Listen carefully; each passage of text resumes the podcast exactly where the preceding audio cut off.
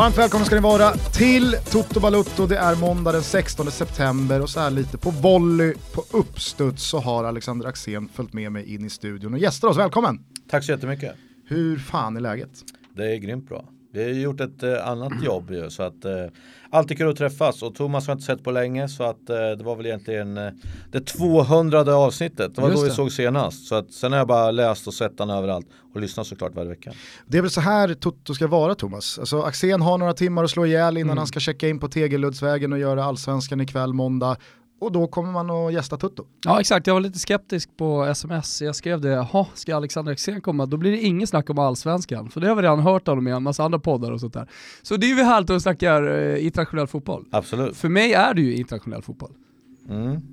Ju Många, vill ju få det till en profil i allsvenskan för att du har tränat där, Ja, för att du är med och för att det enda du gör i allsvenskan. Det är ju många fack som jag får men framförallt Championship är ju det som eh, de flesta tycker att jag förknippas med. Ja. Ja. det är ingen hemlighet att jag älskar den ligan. Nej men det är roligt för vi sitter där innan och, och pratar om eh, Celta Vigo, Valladolid och, alla möjliga olika matcher som du har suttit och kollat på. Och eh, det är det som är extra roligt, att kunna sitta här då med dig och våra lyssnare får höra Alexander Axén prata om internationell fotboll också. Men det måste väl bli lite allsvenskan idag Herregud, efter ja, en sån supersöndag som det var igår. Jag tänkte bara innan vi kör ett måndagssvep och sådär, eh, alla ska få sitt. Eh, årets Championship, alltså du håller ju på Southampton, eh, men vilket lag i Championship följer du lite extra.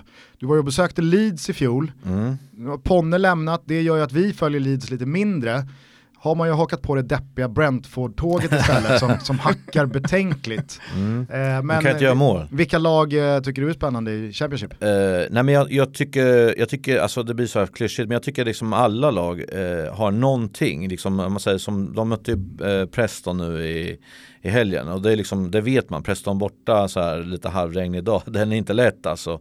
Eh, gamla Stoke, hur dåliga kan de vara? Middlesbrough, hur ska det här bli? Jag ska faktiskt på Leeds Middlesbrough i början på december, slutet av november.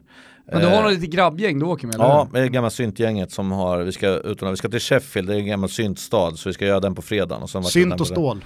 Ja det kan man säga faktiskt. Men eh, då besöker ni ju The Old Peacock va? Innan ni går på Ellen Road. Ja, alltså det kommer vi göra, men vi, det är så svårt att få biljetter nu på Leeds för att det går lite för bra för dem. Så att eh, vi var tvungna att köpa en loge, eh, så då måste vi få, få ut pengarna lite för pengarna. så vi måste vara där, men vi kommer vara där eh, också såklart, för det måste man göra. Eh, hann du träffa Bielsa när du var nere och besökte dem? Eh, nej, han var inte på sitt bästa humör då. De hade spelat... Inte då heller? Nej, de fick stryk av eh, QPR på tisdagen och jag var där på torsdagen. Så då skällde han bara ut dem och sen dök han inte ens upp på träningen. Så att eh, jag såg han bara i periferin men jag pratade aldrig med honom. Har du gjort något liknande någon gång? Vad då menar du? Blivit så lax att du inte dyker upp på träningen? Ja, det har nog hänt. när, när ett avstånd kan vara bra ibland. Ja. Eh, vill ni höra ett svep eller? Jag har skrivit ett. Nej, får jag, får jag bara stanna två sekunder? Ja, kolla, alltså, men, men du har inget extra gott öga till Leeds eller? Jag bara kollar. Jo, kolla. alltså det är ett klassikerlag. Jag vill ju ha dem där uppe. Men som jag sa förra året, vi åkte och kollade på Aston Villa Birmingham, liksom, sånt derby. Det bara Men det var inte så att du åkte med den klassiska AIK-supporten Palle på 80-talet och kollade Leeds? Nej, um, ja, det finns en lång historia om honom kan man säga så. Men att han Numera är, han är grymt stor i Stadium. Leeds. Jag har ju varit med honom där faktiskt på en 50-årsskiva förra året. Och, eh, det är att när man kommer 16 grabbar med Stone Island-jackor och sånt ska gå in på en klubb. Det är ju inte så, här så att det är kö, liksom att alla bara säger tja välkomna. Men när han kommer då är det så. De bara hello Paul och sen var det bara att gå rakt in. Så, så han har gjort sina timmar där borta, så kan man säga. Ett av de mest obskyra namnen vi har pushat för i Toto. Palle, numera, Palle. Det, det jag försökte få in här eh, innan var att numera butikschef på Stadium Sergelgatan, varit det länge. Han eh, rattar Sveriges bästa sportbutik tycker jag. Kanske den mest obskyra meriten. Ja men Butikschef alltså, på Stadium Sergelgatan. det här var ju, det här var ju pre, liksom eh, att eh, supporterkulturen verkligen tog fart. Då gjorde han Leeds. Mm. Så att eh, han var ju en föregångare till, till många grabbar där ute. Men eh, avslutningsvis då så har vi avhandlat Championship. Vilka går upp och spelar Premier League nästa säsong?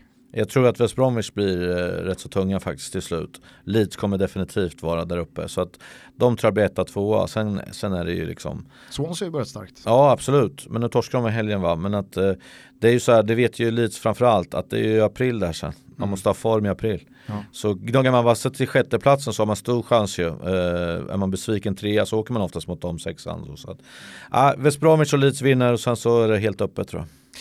Nu då, måndagssvep. Ja, vi börjar i just England där Temo Pukki Party rullade vidare, den här gången hemma mot de regerande mästarna City. Norwich klädde av dem ljusblå och nu är det redan fem poäng upp till Liverpool efter att de röda vänt på steken hemma mot Newcastle i en match där trion Mané, Salah och Firmino hade riktigt roligt.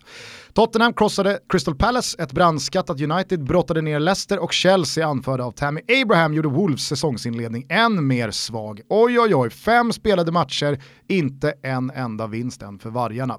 Men på tal om svag, Arsenals andra halvlek mot Watford var säsongens sämsta fotboll hittills och nu höjs rejäla röster om att Unai Emery redan ska få lämna. Det blev förvisso en pinne, men herregud, det där var smärtsamt att beskåda. I Italien knep Viola en poäng med mer smak av Juventus. Inter tog tredje raka och Napoli förlängde Sampdorias förlustsvit. Roma behövde bara en halvlek för att slakta Sassuolo och Lazio tappade en ledning till torsk mot Spal. Milan tog alla poäng mot Hellas Verona i en av de deppigaste matcher jag någonsin sett och Robin Olsen stod på segersidan i svenskmötet med Kulusevskis Parma. Och på tal om svenskar, Alexander Isak gjorde sin första start för Real Sociedad när hemmapremiären på nya Anoeta slutade i seger mot Atleti. Dock överglänstes han återigen av Martin Ödegård som än en gång stod för en storartad insats och visade att han absolut är på riktigt. På riktigt verkar även Barsas blott 16-årige supertalang Ansu Fati vara. Målskytt igen, den här gången mot Valencia och nu känns Barca-maskinen uppvevad lagom till starten av Champions League. I Frankrike var Neymar tillbaka på planen och sköt tre poäng till de buande hemmasupportrarna. I Tyskland spelade Foppens Leipzig och Lewandowskis Bayern lika på ett och i allsvenskan hakades Norrköping, Häcken och IFK Göteborg av guldracet. Eller vad säger du, Alec Axén? Först måste jag ge beröm, jag tycker det var ett jävla bra svep. Uh, ja, Vem det... tycker du är den bästa svepan av oss? Du jag, lyssnar ju ofta. Ja, jag, jag, det här är ju det är, så, det är för enkelt att säga att båda, men ni har ju olika stil jag gillar båda att det är just det är olika. Jag tror att det skulle vara jobbigt om det bara var en av er hela tiden. Så jag gillar eh, det här att det är variation på det hela tiden. Eh, så att eh, det är liksom eh, fakta och bra ryck i dina grejer och det kommer mycket känslor från Thomas. Så att, eh, eh, jag gillar båda. Nej, men jag gillar det, jag gillar båda. Ja, ja, fint. Så till min fråga, visst hakades Norrköping, Häcken och Blåvitt definitivt av tåget igår? Mm, ja, det är lite för många lag emellan. Alltså de kommer fortfarande kunna göra bra matcher de som är kvar och vinna rätt så mycket poäng. Men det blir för många lag så att de kommer inte vara med där uppe. Häcken kan fortfarande, tror jag, men att eh, det, det blir tajt alltså för det, de här lagarna vinner mycket nu och det har sett i Allsvenskan, den är uppdelad nu. Det är ett snöre som går rakt genom sjunde plats och neråt. Där eh, det är ju alltså 11 poäng nu mellan 7 och 8. Rekordet som jag tittar förut har varit 4 poäng mellan 8 och 9. Det brukar vara jättetajt där.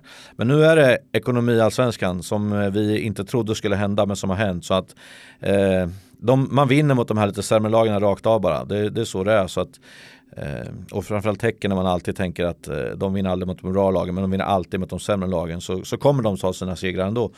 Högst upp där i Best of the Rest-gänget är ju Örebro. Maken till utcheckad eh, säsong, än en gång.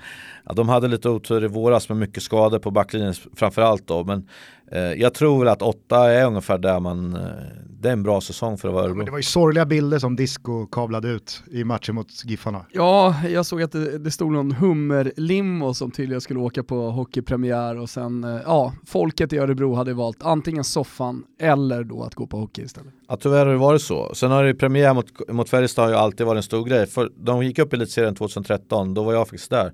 Då var det 3 och 5 örebroare som åkte dit och sjöng sönder den där ladan i Karlstad. Då var de skittjuriga supportrarna, de är inte vana med det. Så 16 är det också hemma, då är det nästan 4000 örebroare. Så nu hade de satt ett tak, så det var tro, 1700 kanske, 1800 bara örebroare. Men ja, det, det är nästan hälften av, av det som var att titta på Bern Arena och det är ju mm. inte godkänt såklart. Å andra sidan ska man väl säga, jag och Thomas brukar ju göra oss lite lustiga över Örebros alltså, säsongsupplägg. Att det är, det är klart efter nio omgångar. De behöver liksom inte spela så mycket mer för de kommer inte vara med i botten och de kommer absolut inte vara med i toppen. Men det ska kanske inte underskattas en sån här säsong. Alltså när ganska så kompetenta lag och spelare brottas i den absoluta botten, att då som Örebro mer eller mindre har säkrat kontraktet med sju, åtta matcher kvar. Alltså, det, är ju, det är ju faktiskt ganska bra för att vara Örebro.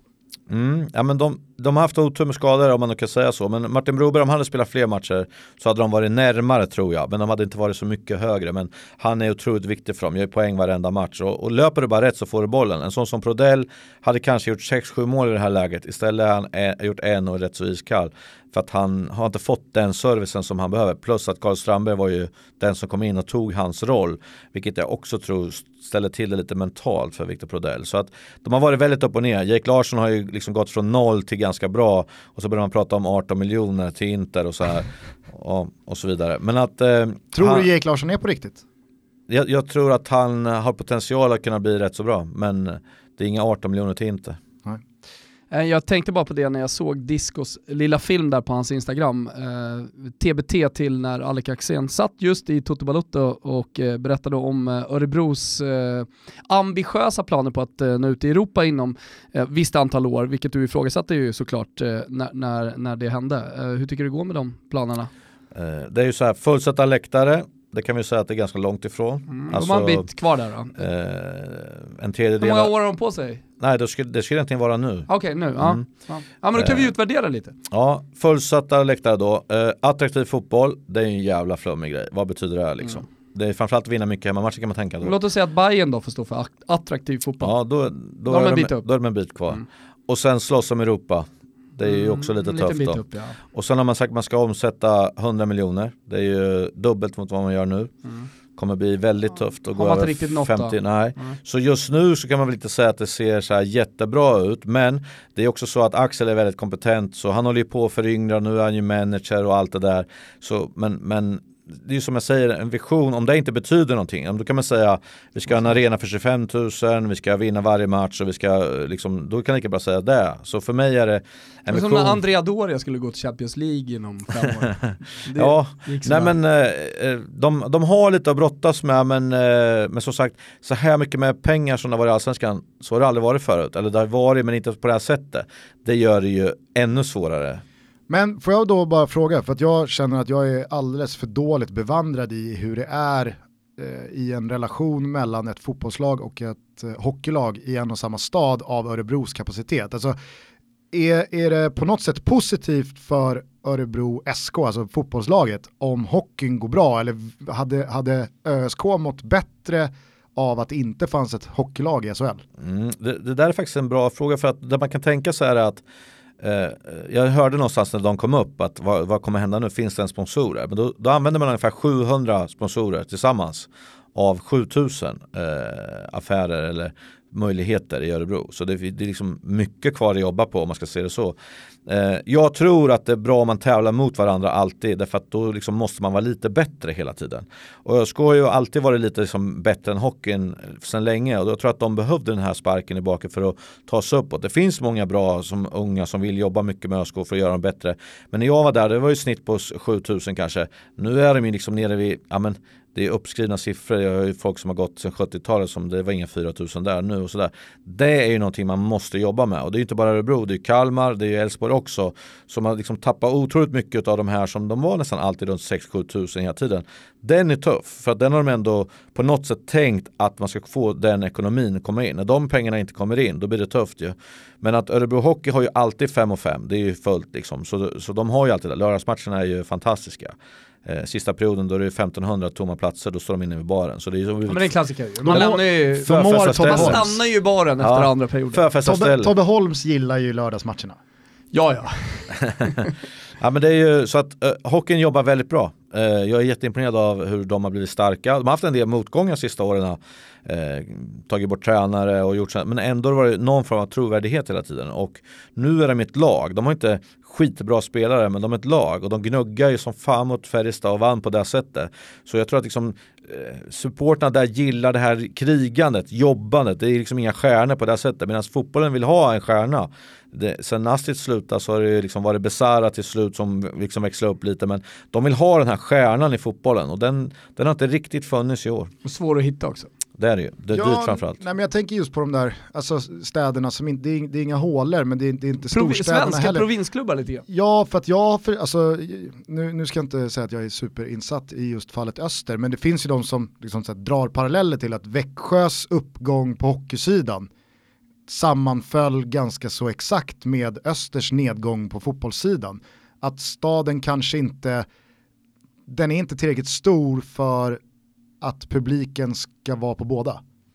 Nej, men samtidigt det är ju det är inte så ofta ändå som det är liksom matcher samtidigt ändå. Alltså om man ska vara helt ärlig. Och vad fan ska folk göra annars? Ja, och lite så kan jag tycka. Och sen, sen beror det på såklart eh, priserna också. Det kanske är bättre ibland att sänka lite för att få fler på, som personer än att man har en marknadsmässig liksom, biljett men så går man inte just för att man inte ligger precis i toppen och sånt. Så att, jag menar, Öster har ju, det är ju ett av, av ett lag som jag tycker förening som har fantastiska träningsmöjligheter med mm. inomhushallen och, och liksom två, de här arenorna och allting. Det, det liksom finns ju, annars ju fotboll där. Nu har ju Kalmar kört över dem kan man säga men det är klart att det ligger där och puttrar så det handlar om att få lite, lite medgång och flyta. Då kan det naturligtvis komma upp igen men vad ska det där innebära? 4 000, 3-4 000 kanske på matcherna. Mer är det ju inte. Det var ju inte så när de gick bra heller egentligen. Nej.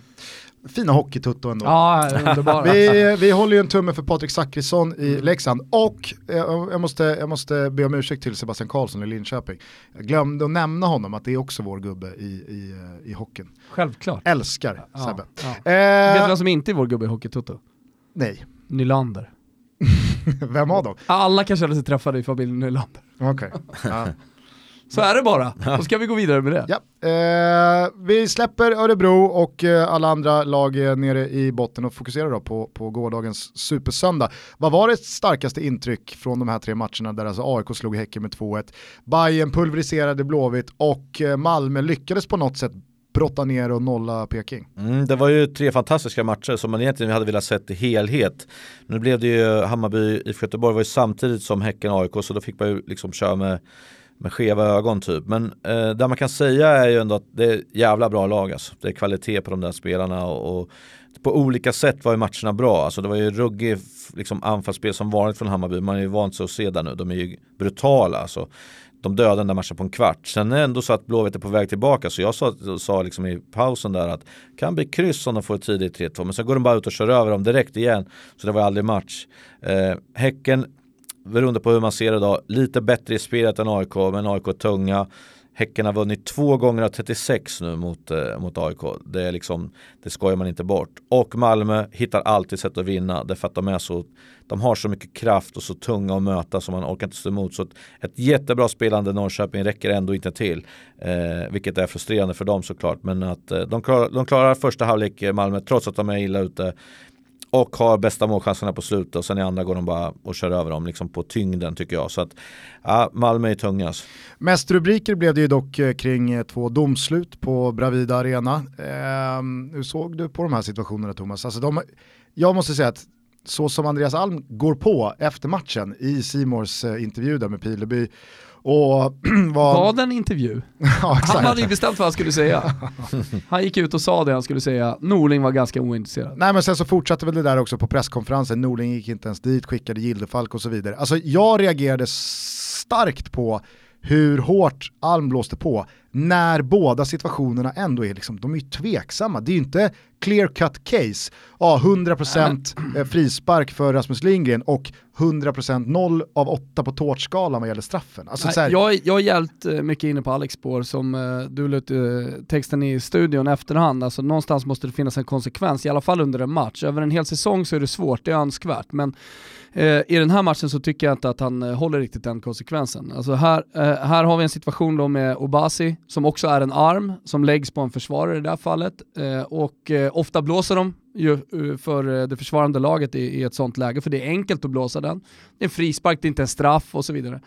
Eh, men sen, sen, är det ju anmärkningsvärt att det blir ju tvärtom då. då. Eh, sen händer det mo, mo, mot Mets och så, så, blåser han straff på den. Så det, det är väldigt sällan man ser liksom, en, en sån, eller två sådana händelser gå åt eh, motsatt håll så att säga.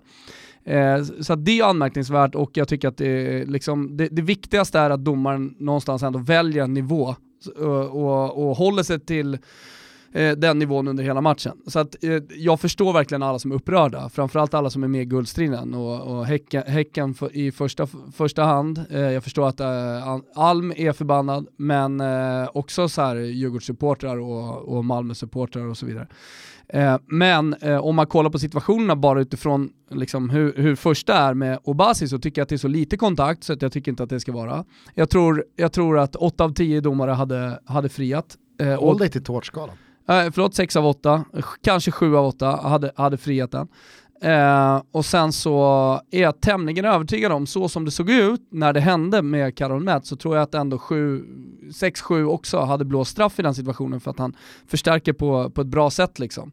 Eh, så det, det, är väl där någonstans jag, jag landar. Alltså det kanske blir lite, lite väl så här eh, mellanmjölk. Nej, men, att förstå motståndarsupportrar. Jo, men, fast... men, men ser, man, ser, man, ser man utifrån liksom de båda två olika situationerna, då tycker jag att det är rimligt att han blåser som han gör och jag tror att det, det, det väger över så att säga sannolikheten för att en domare blåser. Men han håller inte konsekvensen så att det, det tycker jag är dåligt av domaren. Men med det sagt då, för jag tror att Alec delar väl synen på alltså, de här två situationerna, det var i alla fall så det lät i studion igår. Är det då inte anmärkningsvärt att Alm går på så hårt som han gör? Jo, men det här, det här som eh, ni glömmer bort oftast eh, är ju att man som tränare har gått och samlat på sig mm. det här kanske över längre tid. Alltså, det kanske är andra domslut och man tycker man har varit fel, liksom förfördelad på många gånger på olika sätt. Eh, så det här var bara droppen liksom och då orkar man inte med. Alltså, han har förmodligen inte ens sett de här situationerna när han är sådär arg. Han har bara hört att någon säger att jag fick en knuff och så lyssnar man på spelaren, så är det ju bara. Jag har ju till exempel en, en gång när Michael Åmo sa till mig att det, coach det tog verkligen på bröstet, det tog verkligen inte på handen. Och jag skäller ut domarna som fan, sen kollar jag i halvtid så ser jag det är solklart på handen. Så, så man får lite så här titta ibland lite på vad som händer. Men att jag förstår att han är upprörd för att det var jobbigt för honom att det blev som det blev. Men, men jag håller med dig, det, lite, det var lite för stora grejer så här att vi kan inte vinna, vi kan vinna mot AIK men vi kan inte vinna mot AIK och domaren. Alltså det blir lite bittert kan jag tycka. Men att, men att, eh... Jag hade köpt de orden ifall det hade varit 100% horribelt domslut. Nej det där ska absolut inte vara straff. Det är kabelbrand i linjedomarens huvud. Men det är det ju inte. Alltså det går Nej. ju att blåsa straff för det där. Ja, Eh, om du jämför då Sundsvall mot Östersund när de blir straff i hörnet, då, då hade man fattat att topploppet ja. hade gått. För, speciellt för Joel som visste att hans jobb kanske var på millimetrarna där. Han hade ju verkligen haft rätt och var jävligt bitter. Typ så här. Men som jag sa, jag tror att han märker att här går tåget, han är jävligt trött på det här att kan aldrig vinna mot topplagen. Det är så många känslor tror jag i det här. Så mycket prestige i den här matchen som gör att han eh, det var liksom det sista om man säger så. Så jag tror att det är mer över en säsong än egentligen de här situationerna. Ja, äh, det var äh, verkligen känsloladdat. Men äh, resultaten då? Vad, vad tar du med dig in i avslutningen här då för de här tre jagande lagen? Djurgården spelar ju ikväll, ni kommer säkert höra det här när matchen alldeles strax ska sparkas igång på Tele2. Så vi lägger väl ingen större värdering i det. Djurgården givetvis jättefavoriter hemma mot Helsingborg. Även fast jag har en liten, liten vibb för att Mellberg har, har styrt upp det där på uppehållet som varit. Eh, nej men AIK och Malmö och Bayern alla tar tre poäng. Bayern AIK i derby nästa omgång. Tycker du alla tre har en rimlig chans? Ja, alltså Malmö är tunga, man såg det igår. Eh, man tänker att de ska göra så mycket matcher nu i Europa och så här, men samtidigt som man sa Marcus Rosenberg efteråt att eh, det är två på läktaren, Innocent och Rakip, de är inte ens med i truppen. Så de har ju trupp för det här. Nu gäller det bara att vara smart och veta när man ska kliva in med vilka eh, spelare. Eh, Djurgården har ett jättebra program. Eh, vinner de de här fyra, då säger jag att eh, då, ska du, då, då blir det väldigt svårt att ta dem. Det tror jag. Eh, det var en stark AIK-vinst, nu är det derby. Eh, Hammarby måste vinna, då blir det det här psyket igen för Hammarby. Klarar de av det eh, på hemmaplan. De har också ett bra schema. Åtta konstgräsmatcher var det ju inför igår då. Eh, där sex är på Tele2. Eh, bortamatchen är Sirius och Östersund, vilket de kommer bara köra rakt över. Eh, jag, jag ser att Hammarby är fortfarande med. Vinner de mot AIK, då kan de bli lite luriga så här. Men annars är det Djurgården och Malmö, eh, AIK och Hammarby som slåss om det såklart. Men jag tror en, ja, Hammarby, man ska inte underskatta deras offensiv ändå, alltså. den är grym alltså.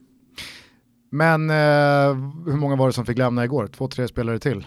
Det börjar ja. bli en del på skadelistan. Ja, det är ju konstiga, det är ju så här baksidegrejer och det är, det är oftast kritik till tränaren då för att om man tränar fel oftast. Muskelskada, då får man ta på sig. Det är väl alltid Janne Mian som får skiten i Bayern.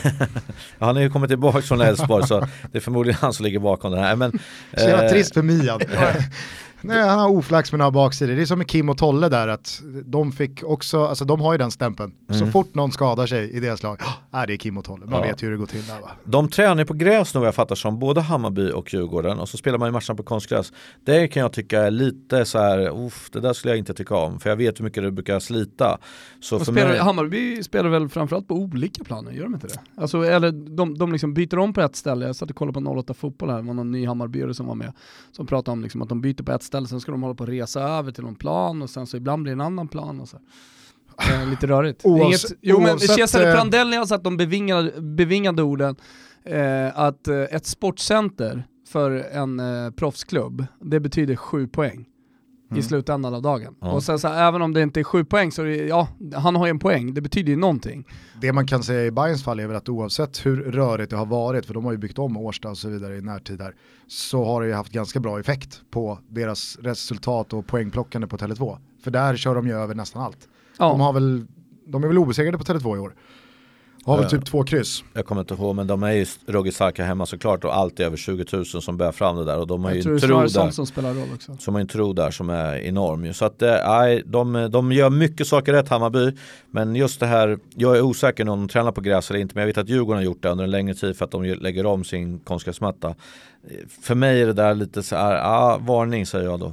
Ehm, Thomas, är du inne på samma linje att det är de här fyra som kommer utgöra topp fyra? Eller vill du, Nej, men jag vill du få med dig någon så- av lagen från igår som jag om, menar hakades om, av? eh, alltså det blir alltid så, de som leder allsvenskan, de har ju ett mentalt försprång jämfört med, med de andra. Så vinner Djurgården ikväll mot eh, Helsingborg, de är stora favoriter. Då, då, är det, då är Djurgården favoriter till att vinna tycker jag också. Eh, men eh, Malmö som eh, Alex säger, de har den absolut bästa truppen och det om man kollar också på deras höst i fjol så var de otroligt starka. Hur, hur många poäng tapp hade han under, under hösten, Rösler? Ja, det, var inte mycket. många va? Det var någon kryss sådär. Eh, och, och jag tror dessutom också, precis som, som vi säger, att för Malmös del att spela i Europa, det kanske bara får dem att eh, ja, men utnyttja alla sina spelare och, och om han är smart då och, och kan spela rätt spelare i rätt tid, då, då kan det bli riktigt bra. Så att, ja, Djurgården, lite Malmö, men, men det är ju det är inga stora procentuella skillnader. Alltså det hade ju varit en sak att gått ut och sagt liksom att ja, men det är 70% Djurgården, 20% eh, Malmö och sen så 10% övriga, typ Bayern och AIK. Men, men så är det inte riktigt, utan det, det är ganska tight på de procenten och det är därför det är svårt att, att eh, det, det kanske också låter lite som att man har hängslen och livrem, att man inte vågar säga en favorit när man sitter här och pratar om det. Men det är så pass tight eh, i, i de här procenten. Men jag säger att Djurgården, Malmö eh, i topp där och sen så kommer AIK Bayern. Jag Eh, tycker en, en eh, liten detalj i det här sju hästars racet som nu har blivit fyra är, alltså så här, det glädjer mig att Peking, Häcken och Blåvitt, alla säljande klubbar i det här sommarfönstret får pröjsa för det. IFK Göteborg, jag fattar att man kränger Benjamin Nygren när de pengarna kommer på bordet, men att sälja Starfelt i det läget utan att egentligen hämta in en ersättare värd Starfelts namn. Eh, häcken, vi satt här med Friberg för en tio dagar sedan och konstaterade att man, man säljer Jeremejeff, man eh, låter Nasir Mohammed och eh, eh, Mervan Selig lämna, alltså det ser man inte de övriga toppkonkurrenterna göra i det här skedet av säsongen. Och Norrköping säljer Jordan Larsson, delad skytteligaledning när han lämnar utan att ersätta honom. Alltså, så- jag kan Men sen AIK tar in Nabbe. exakt, Eh, Djurgården, de, de säljer Starfelt Djurgården säljer Nygren. ingen, de tar in eh, Kujovic. Mm. Eh, och Malmö säljer ingen eh, och Hammarby, visst de tappade ju eh, eh, Kartansson men det visste man ju från början. Och ersätter honom, tar in Magyar, alltså så här, jag, jag, jag, gläds åt att de fyra lagen som går för det och satsar och visar handlingskraft och prioriterar titlarna och prioriterar Nu resultaten. Alltså. Ja. Eh, det, det tycker jag är positivt för allsvenskan, att man kan inte ha kakan och äta den också, sälja, få massa pengar och göra resultat. Det, det, eh, jag menar, håller du med? Jo men det är ju, det är ju en strategi. Eh, IFK Göteborg måste göra så för att de ska bli slagkraftiga igen. Så de måste göra så. Eh, Norrköping har gjort så hela tiden. Och vilket gör att jag tror supporterna, det är precis på gränsen nu att de, att de tycker att det är okej. För att nu har de jättemycket pengar på banken. Men det är också så att de får dit mycket unga spelare för att de säljer.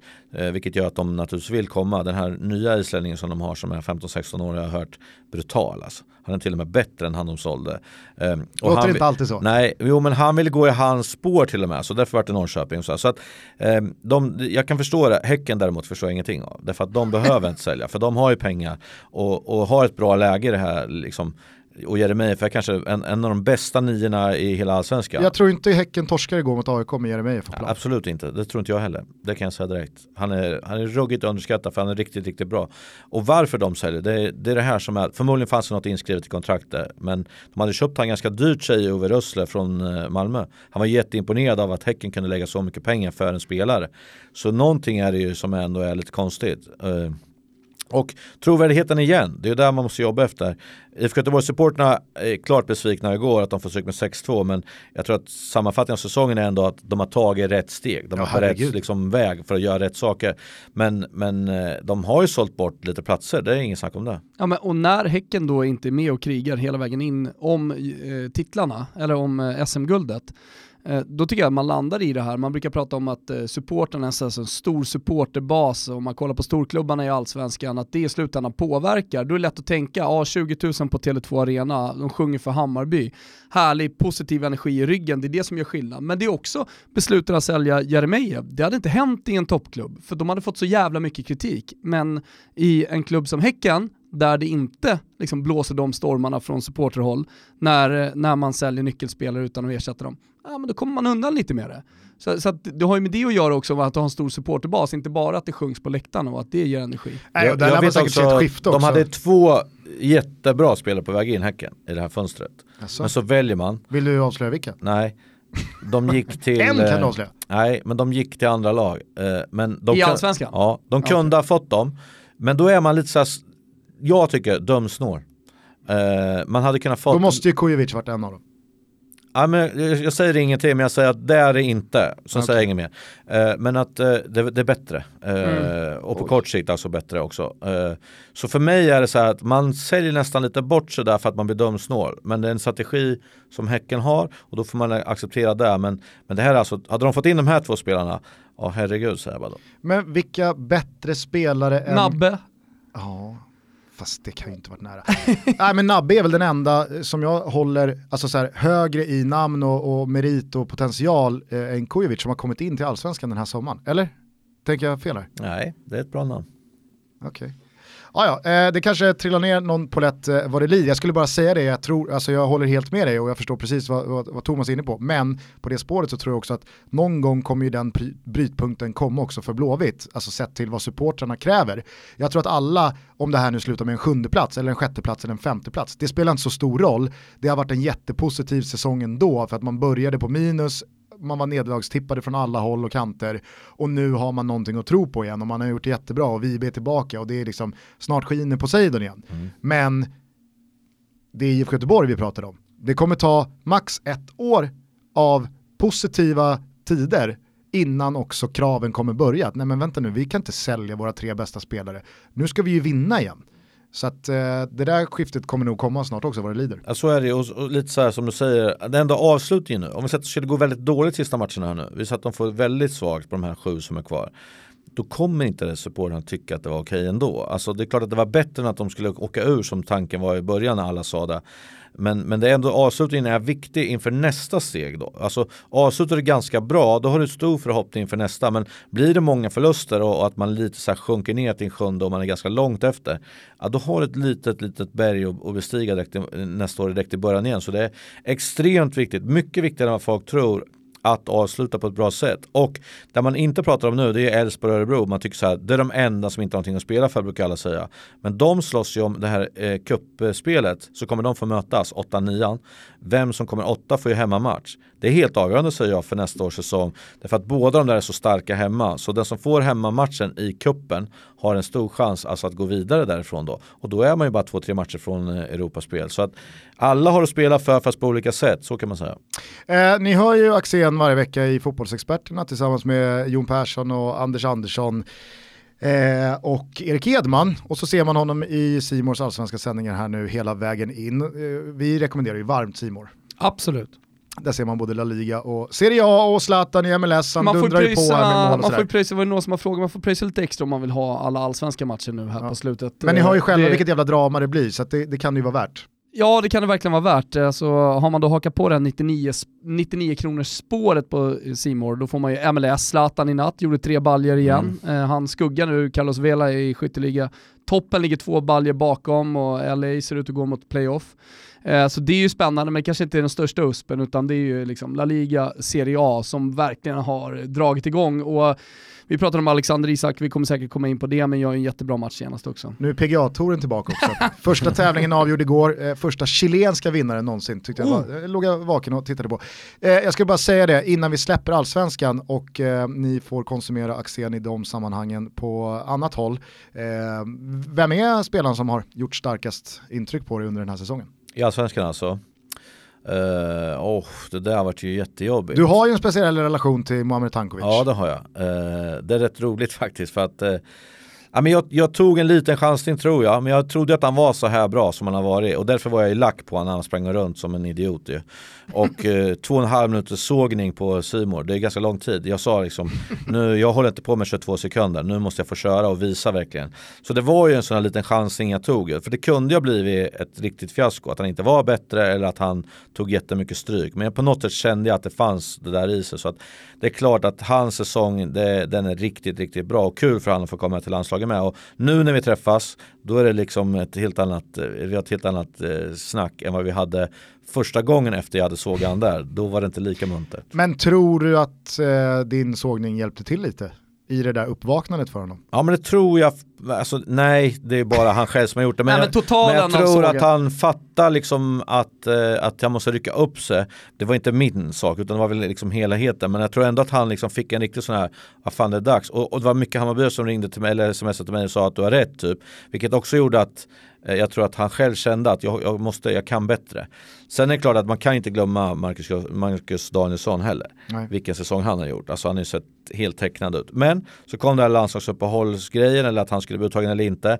Den insatsen mot AIK första halvlek är inte bra. Så det, då kommer den här lite pressen också som också att varit i en bubbla egentligen när han har varit helt överlägsen. Men sen så skulle han leverera på, sitt, på en stor match, mycket folk det är ett steg till och den, det kan han ta för han är så bra. Men han, be, eh, han behövde den här smällen tror jag för att steppa upp igen. Sen tror jag också att resultatet för Djurgården, vad det här slutar med, kommer också definiera Danielssons säsong i stort. Mm. Alltså blir det ett SM-guld, då tror jag att liksom, unisont eh, så kommer det basuneras ut att Marcus Danielsson är säsongens bästa spelare. Skulle Djurgården snubbla nu och inte ta guldet, Alltså då kan Bayern bli 1, 2, 3 eller 4, det spelar inte så stor roll för Tankovic säsong är bra ändå, alltså mm. den är jättebra. Så då, då, då tror jag man kommer prata om Tankovic som säsongens bästa spelare. Så resultatet för laget tror jag styr slutbetyget för Danielsson mer än vad det gör för Tankovic. Men det gör det ju. Samtidigt, Tankovic leder ju poängligan, både mest mål och mest assist. Det vet jag inte om det har hänt någon gång förut.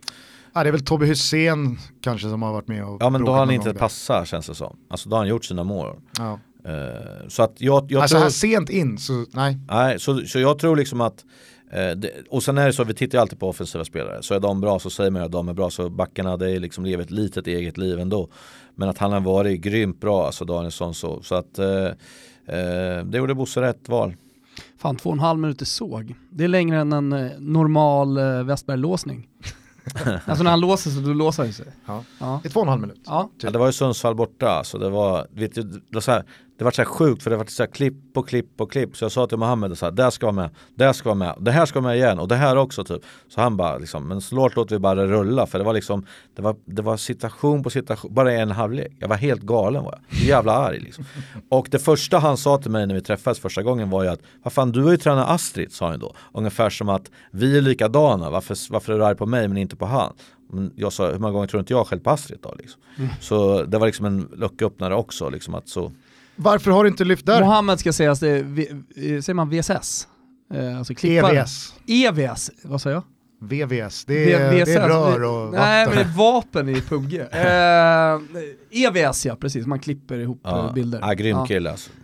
Kan, kan bli en Finns som jag tar med. Finns på Twitter att följa. Kan bli en som jag tar med om jag skulle bli tränare. Faktiskt. Asså. Han har sån blick så att... Ska du bli eh, tränare? Ja men vi, vi, vi, kan väl bara strax komma tillbaka dit. Jag måste bara säga det, va, va, vad säger du om Astrids säsong? För att i ett Djurgården som inte kan få någonting annat än högsta betyg efter 22 spelade omgångar så har ju den stora profilvärvningen inför säsongen verkligen inte eh, Eh, levererat på den nivå man trodde. Vad, vad är problemet? Nej, dels vart det en farsa till tvillingar, man ska inte underskatta det. Sen har han haft massa småskador hela tiden. Aldrig fått den här kontinuiteten i träningen. Han är inte så lättränad som han vill tro tror jag. Och framförallt inte Djurgården heller han måste ha en lite längre start och man måste jobba igenom en viss period. Det har inte blivit riktigt så. Sen har inte han varit så jävla dålig som alla säger heller, men han har ju gjort alldeles för lite poäng. Det är det han ska göra. Han ska ju vara den här quarterbacken som bara stoppar in bollar så löpningar kommer så ska det vara liksom livsfarligt. Det, så har det inte varit. Samtidigt har många lag lagt mycket kraft på honom när de har spelat. Till exempel Malmö hemma. Så, så defensivt som Malmö spelade då, det har jag inte sett Malmö spela på flera, flera år. Och de sa i, i liksom halvtid där med Lewicki att ja, vi måste se upp med hans eh, fot där. Så de låg jäkligt tight på honom där. Så det är också så att han har gjort så att de andra kunnat få gjort andra saker. Men jag, jag vet ju att han kan mycket bättre. Det vet jag han själv också. Så på en 1-5 så skulle jag säga att det är svag 3. Eh, och, och det, är liksom, det finns mycket mer att hämta. Förra veckan så läste man eh, och hörde att du inte förlänger avtalet med Simor. Att du vill jobba igen med, med det sportsliga. Men det behöver inte nödvändigtvis vara tränare. Hur går tankarna kring framtiden? Nej, men jag vill göra något roligt där man kan utveckla och utvecklas. Och då kan det vara sportchef, eh, spelutvecklare, assisterande, scout. Eh, jag vågar inte bli agent. Men, men typ allt som är roligt typ så, så är jag öppen för allt.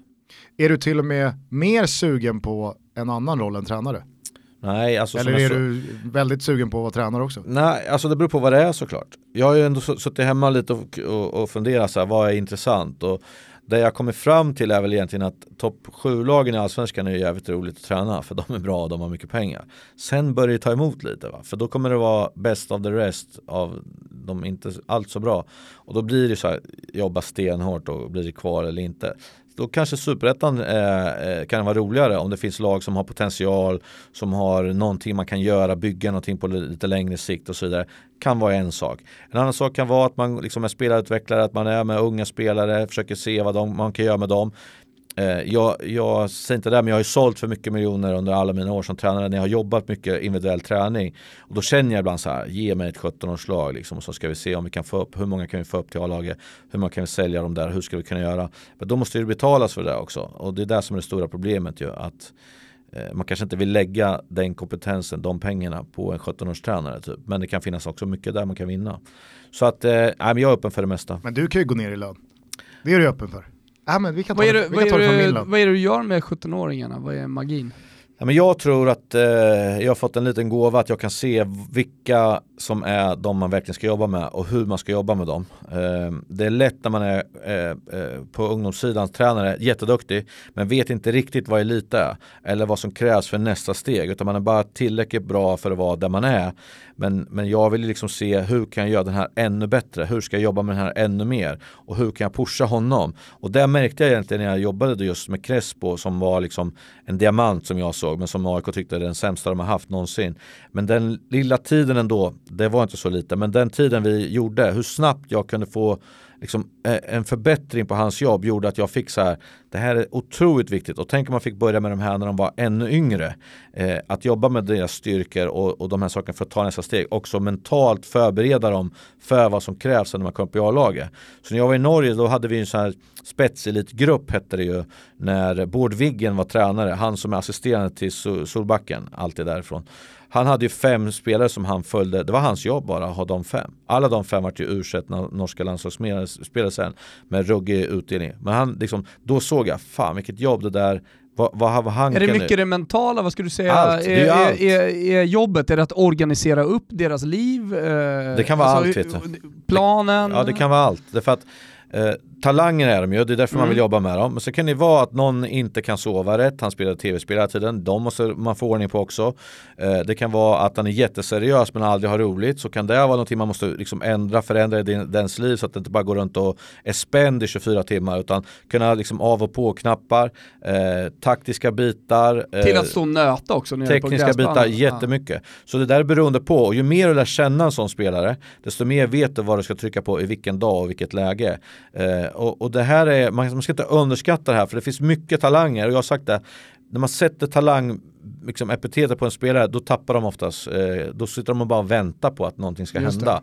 Istället för att du är talang, men du måste jobba jättehårt nu. Därför att det är talangen som måste jobba extremt hårt för att få nästa bit. Mm. De här som är lite sämre, de kan jobba mycket som helst, det kommer inte hända någonting. Men när du är talang så måste du fatta att du måste jobba ännu hårdare. Och det är där de oftast inte gör, utan det blir bara Och jobba har på haft- rätt saker också. Ja, och de har haft bara dåliga tränare när man sammanfattar. Så Mm. man fick gå från allsvenskan för man hade en dålig tränare. Då hamnar man i superettan. Ja, tror du inte han hade otur att träffa en dålig tränare där med? Och så hamnar han i ettan. Och herregud, en dålig tränare där med. Så han hamnar i tvåan. Men inte vad jag själv har gjort under den här perioden. Mm. Hur kunde jag ha gjort? Vad kunde jag liksom bidra med? Och då tror jag att som huvudtränare då är det liksom så fokuserad på resultatet och så fokuserad på eh, spelet i sig. Så då hinner du inte göra de här specialgrejerna. Och därför säger jag att, att kunna ha en tränare som jobbar bara med talang, spetstalangerna i en förening kan ge otroligt eh, mycket pengar i en, en utdelning på sikt tror jag. Mm.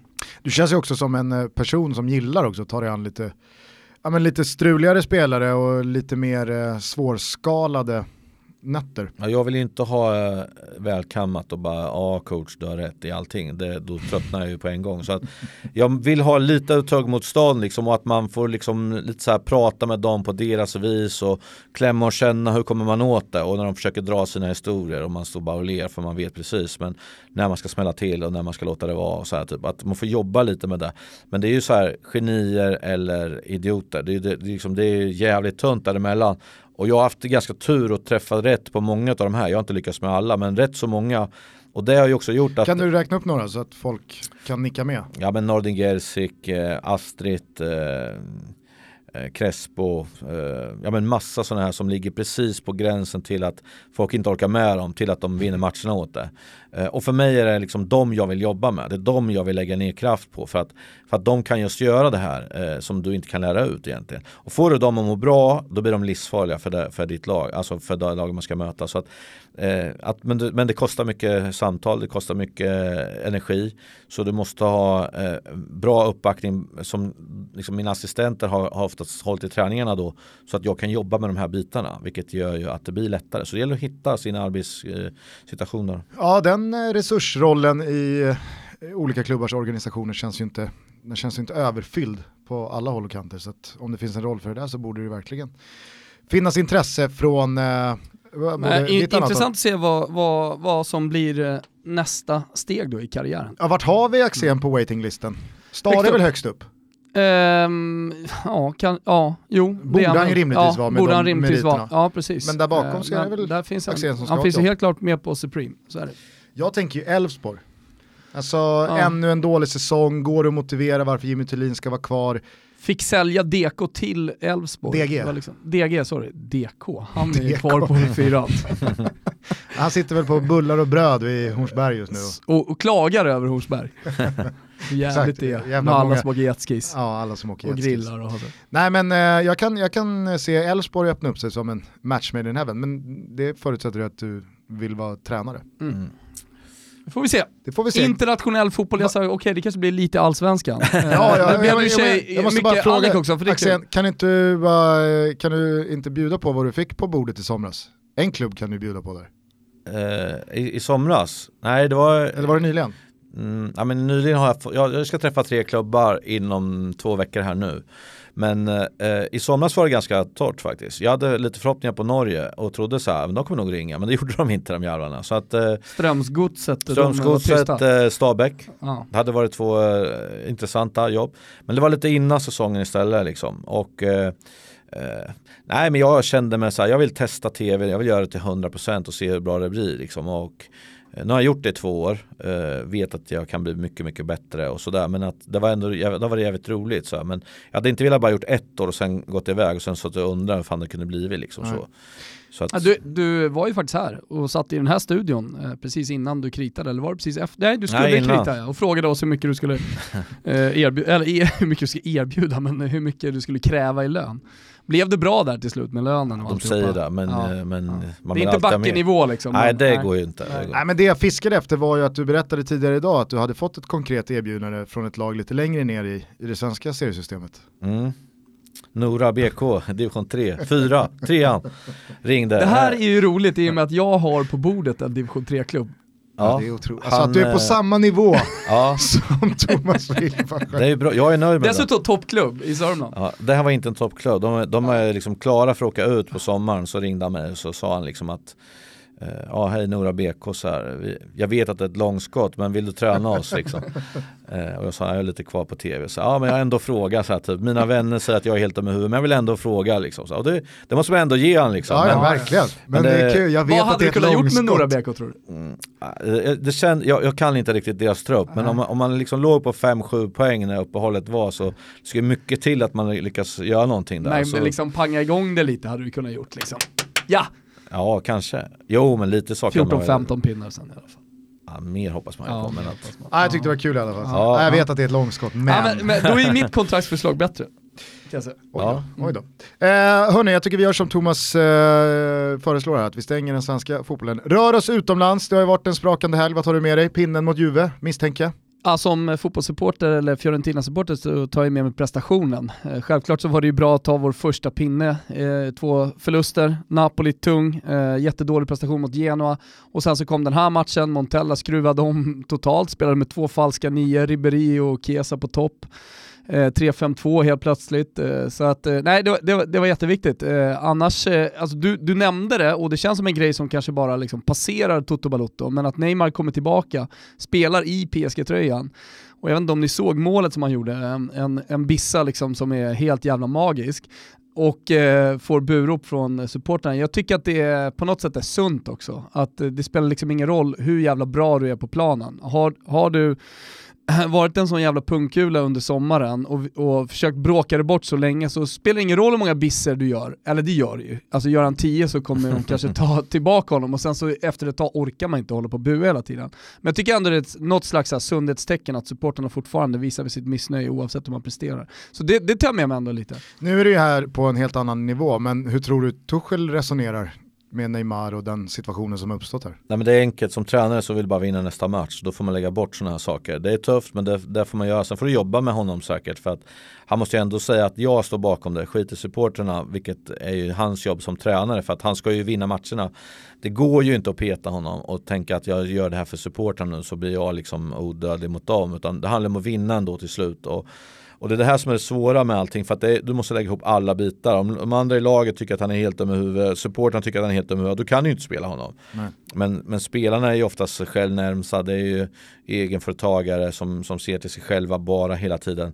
Eh, I det här läget så fick inte han komma iväg som han ville och då är han i en återvändsgränd nu där det handlar om att bara slå sig inåt mitten så mycket han kan tills han kommer igenom för han kommer inte kunna vara kvar efter, efter vintern här, det känns helt omöjligt. det ska bli jävligt intressant att följa Neymars liksom, attityd och karaktär under den här mm. hösten. Ja, och med tanke på vad Fatih gjorde i helgen, du nämnde det i svepet, 16-åring, eh, eh, så funderar man ju lite på, även om det inte är officiellt, hur Barca egentligen tänkte när de ändå visade intresse för Neymar, om man har en sån diamant i, i ungdomsleden som uppenbarligen kan komma in och, och göra skillnad i en stor La Liga-match. Alltså det, det är helt otroligt. Och jag tror, men jag tror också att om man nu får sig ett litet genombrott när, när Messi är borta, eh, så, så lägger man den tanken, alltså Neymar-tanken, helt, helt bort liksom. Och så får det vara andra klubbar som, som, som får ta honom, även om det är Real Madrid. Jag tror också att det sporrade Barcelona lite, att det var just Real Madrid som var den, eh, den andra klubben som verkligen gick på offensiven för, för, för Neymar. Att man ville hindra dem lite. Och att han inte gick till Real Madrid tack vare vad jag kan tänka mig ändå var Barcelonas intresse och att de hela tiden förhandlade med honom, eh, ser de också som en liten vinning. Okej, okay, vi fick ett år bort från, eh, från Real Madrid. Eh, så, så, att i slutändan så kanske de vann någonting på det eh, ändå, mm. även fast de inte värvade honom. Så, eh, men, men, som sagt, det här är ju spekulationer, man, man kan ju inte veta, men, men jag tror ändå att, att det fanns i Barcelonas tankar när de, när de förhandlade. Jag har en liten grej med det här, eh, om man bråkar sig bort, eh, som har hållit på sa 15 då i alla år, är ju att Mané till exempel, eh, sket i att åka med Salzburg till Malmö eh, för att han ville gå till SA-15. Eh, de var i, i, helt i chock. Vart är våran spelare? Han ska inte med och allting. Tvingar sig bort till SA-15. Vad SA-15 då borde ha förstått är att det här kommer hända mig, liksom oss också.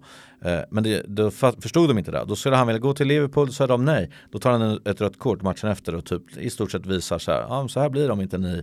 Eh, samma med van Dijk. eh, spelar i Celtic, också mot eh, Malmö FF i avgörande Champions League-grejen där. När man märkte så här på slutet, då började han spela mittfältare helt plötsligt. För han ville absolut inte gå vidare med Celtic, för då hade han inte hamnat i SA-15. Eh, det är klart att han också kommer bråka bort sig från SA-15 och det gjorde han också. Typ så så det, det är det här man får se upp med. Om man tar sådana spelare så kommer du, vara, du får vara säker på att de kommer göra likadant emot dig också. Så det här måste du tänka till om du ska ta en sån typ av spelare dyr som naturligtvis som får igen på alla tröjförsäljningar. Men också att när han inte trivs där sen då kommer han bara försvinna därifrån.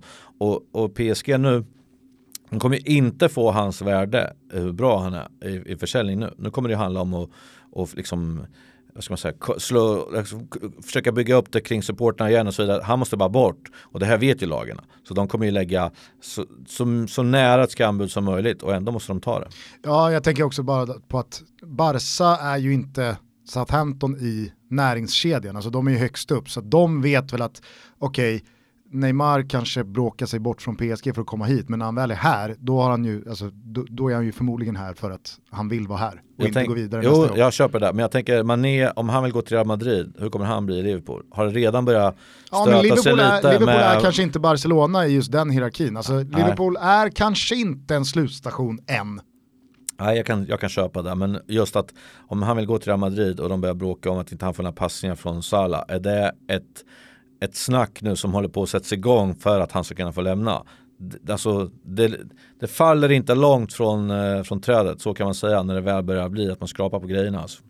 Fan vad, på tal om det, fan, fan vad Klopp eh, måste älska. Faller inte långt från trädet när man väl börjar skrapa på grejerna. Mm. Den, eh, den, Den sparar vi. Den sparar Den vi. Det är Roffe Zetterlund. Nej men fan vad Klopp måste älska Firmino i det här läget. När det är alltså den här tuppfäktningen Mané Salah. Som jag vet att alla Liverpool-supportrar förnekar och Ja, menar inte existerar. Och Mohamed Salah twittrade ju eh, någon photoshoppad video där det är två stycken eh, kids som springer fram och kramar varandra Ja. och sen så har han satt på deras ansikten. Men att ha Firmino i det läget som är helt prestigelös och som ingen egentligen har några målkrav på. För att alla ser ju vad Fibino bidrar med. Han är en väldigt tydlig, viktig länk i det laget som både vinner Champions League och hotar om ligatiteln och så vidare.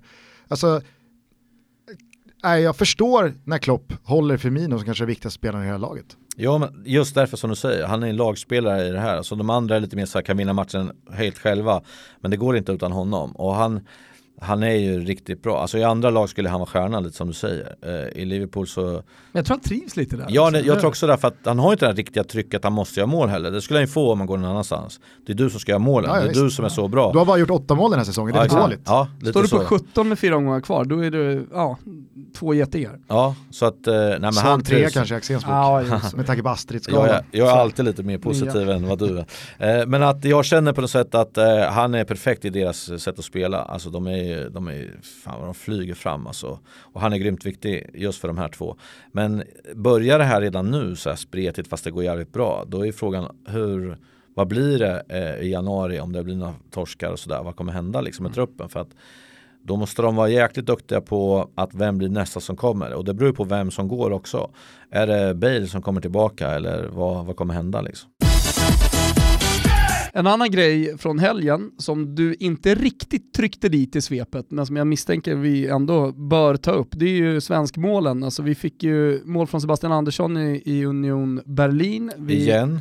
Igen, ja exakt. Den här gången från straffpunkt. Det blev inga poäng dock för Berlin den här gången. Är det ändå inte lite minisnark Jo, på det att är Sebastian Andersson gör mål? Ja, från straffpunkten men han är, ändå, la- alltså jag tänker så här, han är ändå en landslagsspelare och han fortsätter göra mål eh, i en pissklubb som Union Berlin trots allt.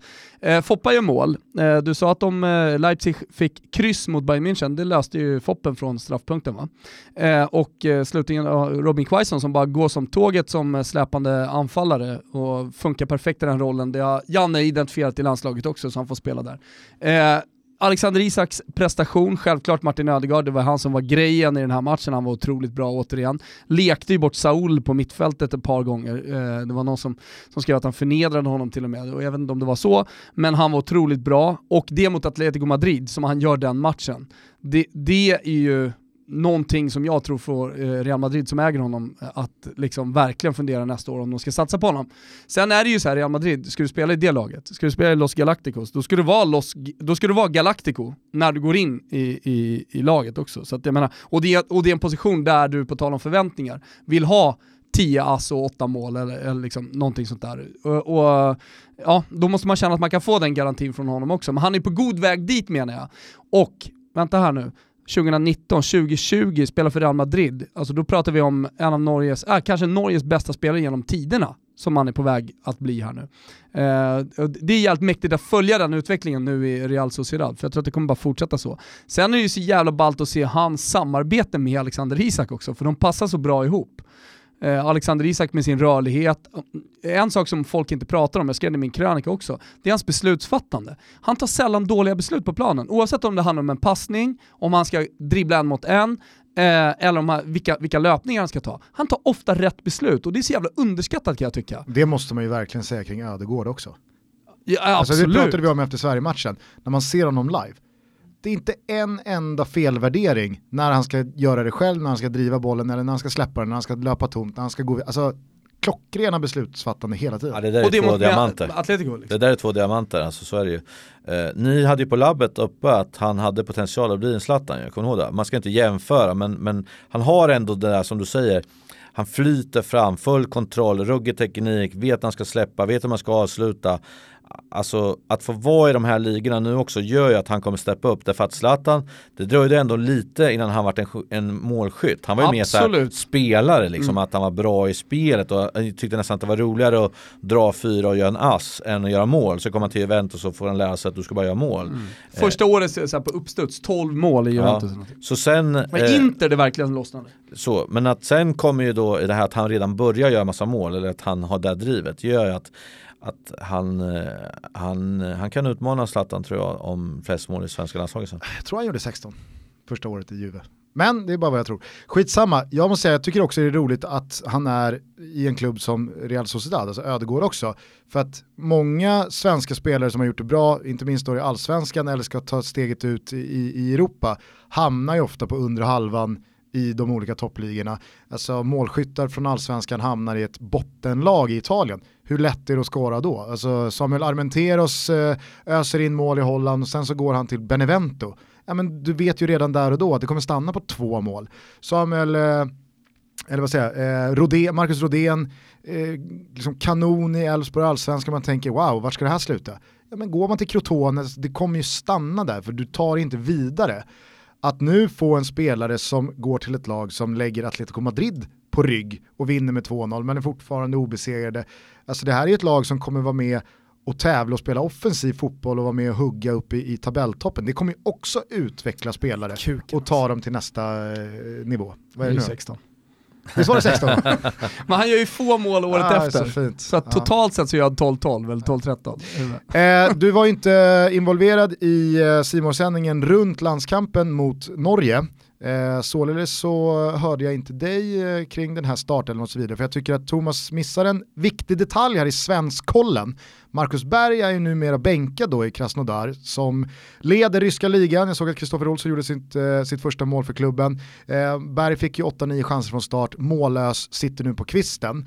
Sett till hur startelvan såg ut mot Norge, utfallet som blev, hur tror du Janne resonerar här nu fram till nästa väldigt, väldigt viktiga samling? Ja, men det, det var ju lite så här, eh jag, jag står ju bakom den laguttagningen till 100%. Jag tycker den är jätterolig. Men jag tycker att de borde ha fått spela ihop redan mot Färöarna. Därför att det är inte så lätt att bara kliva in mot Norge. När man spelar vinge som han har gjort ett tag, eh, Quaison, så ska han upp på topp. Det är inte så lätt och det blir en tight match mot Norge, det vet man om. Så där hade jag nog velat att de hade spe börjat liksom spela redan från början för att se vad är våra egenskaper, vad blir vi bäst på. Eh, sen är det ju så att vi underskattar ju Marcus Bergs eh, pressspel. Eh, hela Himlar Axén med ögonen ja, och sjunker ihop. Ja, så att det är liksom eh, jag, jag, tror så här, föryngringen är på väg. Jag tror att det är rätt steg. Men får ju kritik då för att de är inte så bra ihop och, och liksom, nu saknar man helt plötsligt Marcus Berg igen. Men eh, jag, jag, tror på de här två till slut. Får de spela ihop så kommer det bli riktigt, riktigt bra. Backe har ju en teori då att eh, så länge Viktor Claesson är borta så kan han Quaison spela på en kant. Eh, för att Marcus Berg är ändå bra på det han gör och sådana här saker. Och jag kan lite köpa det beroende på vilka det är och vilken form man har så. Men jag tror liksom, det, det är ju så här, eh, Forsberg, eh, eh, Viktor Claesson och sen de här två på topp. Då känns det som att vi kan göra rätt så mycket roliga grejer för att organisationen bakåt den har vi ju hela tiden men det är just det här framåt och det här spelet och farten. Så, spelare som kan göra saker ihop och fina instick och sådana saker. Det, det är liksom liksom framåt här nu så det är de här som ska spela, det är ingen snack om det. Liksom. Ja, men jag, jag var faktiskt inne på exakt samma spår i, i krönikan där efter helgen när vi hade gjort massa svenskmål, att så här, kollektivet har hela tiden funnits och även när vi gick till kvartsfinal i VM eh, så kunde man ändå känna, tänk om vi hade haft en Zlatan Ibrahimovic, för då var det ju han man tänkte på. Alltså nu börjar vi komma dit att vi har kollektivet, det kommer vara ramstarkt så länge Janne Andersson är där.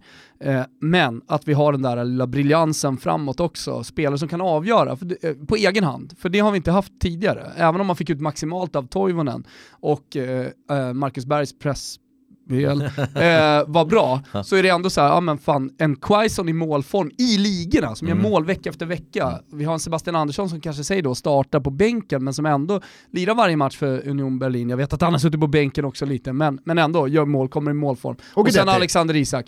Och Guidetti. Ja, men, men så här, samtidigt så här, vem ska vi ta in som fyra, femma? Ja, men så här, på de ja, positionerna spelar, spelar det så jävla stor roll. Det är viktigt att vi har tre i alla fall, eh, så att vi kan få in en anfallsspelare om någon inte har dagen så att säga. Eh, och och då, då har vi de tre, eh, och det, det räcker gott för mig. Ja, och, jag och sen kan det alltså... vara Marcus Berg, och sen vet jag inte om vi, liksom, behöver vi, behöver vi en John Guidetti som sitter på bänken varje match i 90 minuter som aldrig kommer in i en landslagstrupp, eller ska vi försöka fundera på att ta ut en ja men som Tankovic var med senast här, alltså ska vi, ska vi fundera på att ta ut en till central mittfältare någon han vill testa istället för att så här, nu sitter John Guidetti på läktaren till och med i Alaves och det kommer han göra fram till januari minst. Och eh, ja, jag, jag, jag, jag tycker att så här, det finns en gräns eh, någonstans för hur länge en spelare kan vara inaktiv i sitt klubblag, om man nu ska spela i landslaget. Det är en sak om du typ är Zlatan eller Robbie Keane, eh, eller liksom en så här verkligen eh, idol och fanbärare som dessutom alltid levererar när han kommer in. Men alltså de chanser som, ja, ta Gretti då, då, som han har fått, då har han ju inte riktigt levererat. Eller han har inte levererat. Och Funkar då, det väl då, då blir det så här, med Toivonen? Uh, Toivonen funkar absolut, men, men, han levererade ju hela tiden när han spelade också. Det är ju skillnaden här om du, om du ska ta jämförelsen med Guidetti. Och, och då kan jag tycka så här, oavsett vem man tar ut som femte anfallare eller om man tar ut en annan position så måste han faktiskt han, måste ta det tuffa beslutet om det nu är tufft, att peta Guidetti i nästa samling, så känner jag. Ja, om det är nu starten på utfasningen av Marcus Berg vi ser och Guidetti kommer fortsätta sitta på läktaren i alla väs så tog det väl Jordan Larssons chanser vara ganska så bra om han fortsätter göra mål och spela i Moskva. Ja, alltså jag håller med Thomas på 100% allt vad du säger. Problemet är ju att jag pratar med Janne också och då blir det här jävla, eh, liksom att du vet, om man kommer till samlingen och du förväntar dig att du vill spela eh, så kan du vara en belastning för gruppen kontra att du vet att du är en, din roll är på bänken eller att kanske hoppa in eller inte hoppa in. Så kan gruppen må bra av det. Och jag var ju så här, men vad fan snackar du om? Alltså ta ut bästa laget, skitsamma. Men jag har ju fattat att de här dagarna är jävligt viktiga, att det fungerar. Och det ser man ju på Pontus Jansson. Eh, just att han kan liksom vara rätt ödmjuk och tycka att nej men det är okej okay att sitta på bänken. Kan ni tänka er han i ett, klubblag vara lika ödmjuk? Det är noll chans. Ja. Och det är för att han har förstått sin roll. Sen står ju han bara och fröstar nu att han vill in och jag tycker att han ska spela. Men att eh, att, att, att det är också den här rollbesättningen är ju att Guidetti kanske tycker att det är rätt skönt att komma till landslaget, få sitta på läktaren hemma, komma till landslaget, bidra med energi, se till att folk mår bra och så här, då tycker Janne att, ja men okej då, men han tänker aldrig att han ska få spela. Det, det kanske är så man måste tänka i ett landslag. Okay. Mm. Jag vet inte. Men, men... Sebastian Andersson känns ju som bäst i Sverige på att ta en petning. Ja, ja men det håller jag med om.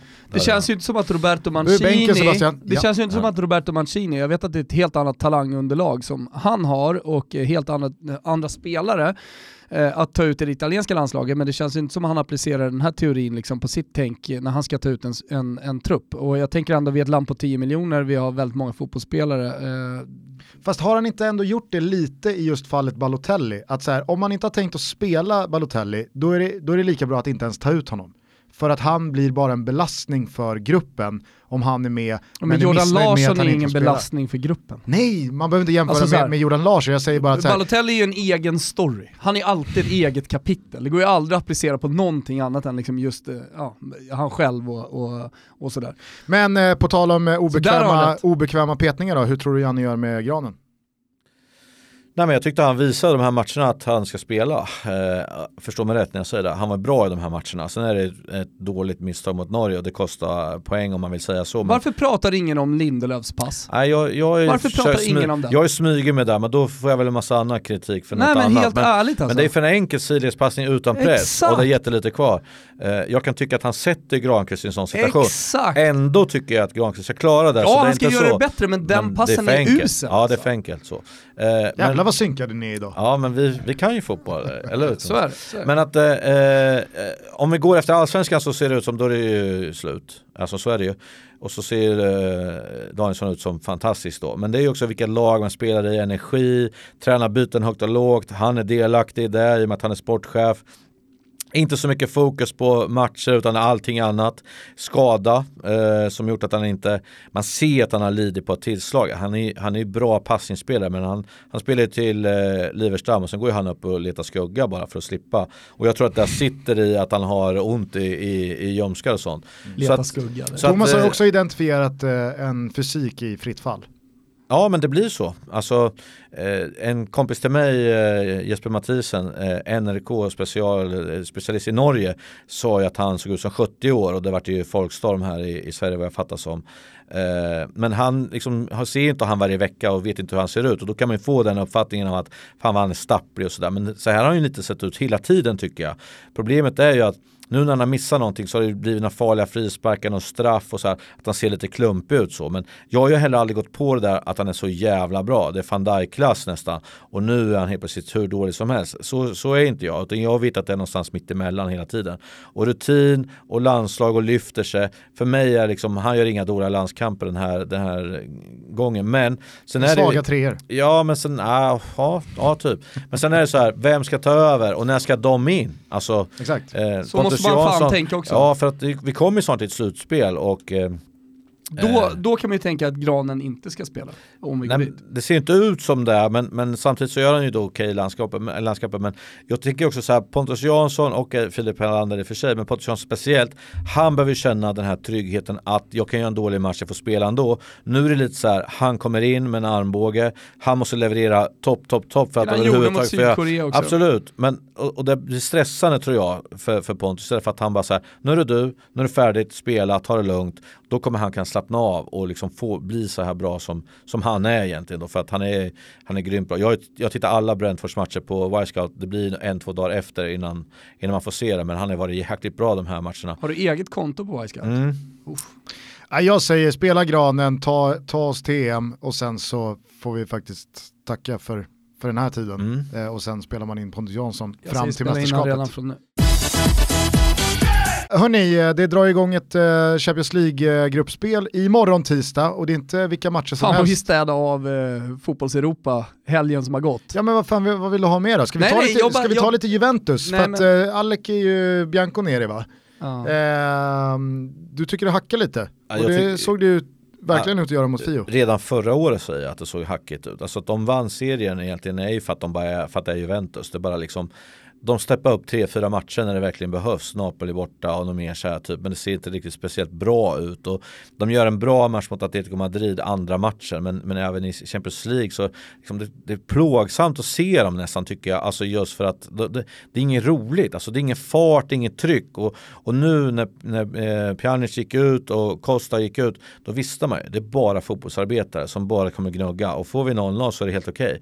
Om inte Ronaldo drar tre stycken skjut och ribbar in helt plötsligt. Men det blir liksom för, det är för lite för mig det här lite, lite fartfyllda som jag hade hoppats att Sarri skulle komma in och göra som han gjorde i Napoli. Så har det ju inte sett ut. Och mot Parma premiären, de kan tappa den för att sista kvart 20, de går på knäna. Och sen vet jag att Juventus är ett typexempel sånt här lag som eh, försäsongen att de väljer den här första månaden att träna tungt fortfarande. Så när de gjorde 3-0 mot Napoli, då är det ju många som tänker att nu är det klart. Men jag såg ju hela tiden på att det, det, det kan bli 3-1 när som helst för att Napoli körde ju och de var ju så här jättenära flera gånger. Så när 3-1 kom, 3-1, 2, 3-3, alltså det var ju så här, ja men herregud alltså, de såg ju helt tröttkörda ut och får ju en gratis 4-3 där. Bara för att det är Juventus hävdar jag. Alltså de är så tunga att möta på det här sättet men inget roligt att se. Och, och jag tror så här att eh, de håller på att bygga det här nu för att de ska vinna Champions League. Det är det som är nästa mål. Så jag tror att fönstret i januari kommer bli helt avgörande hur det kommer bli.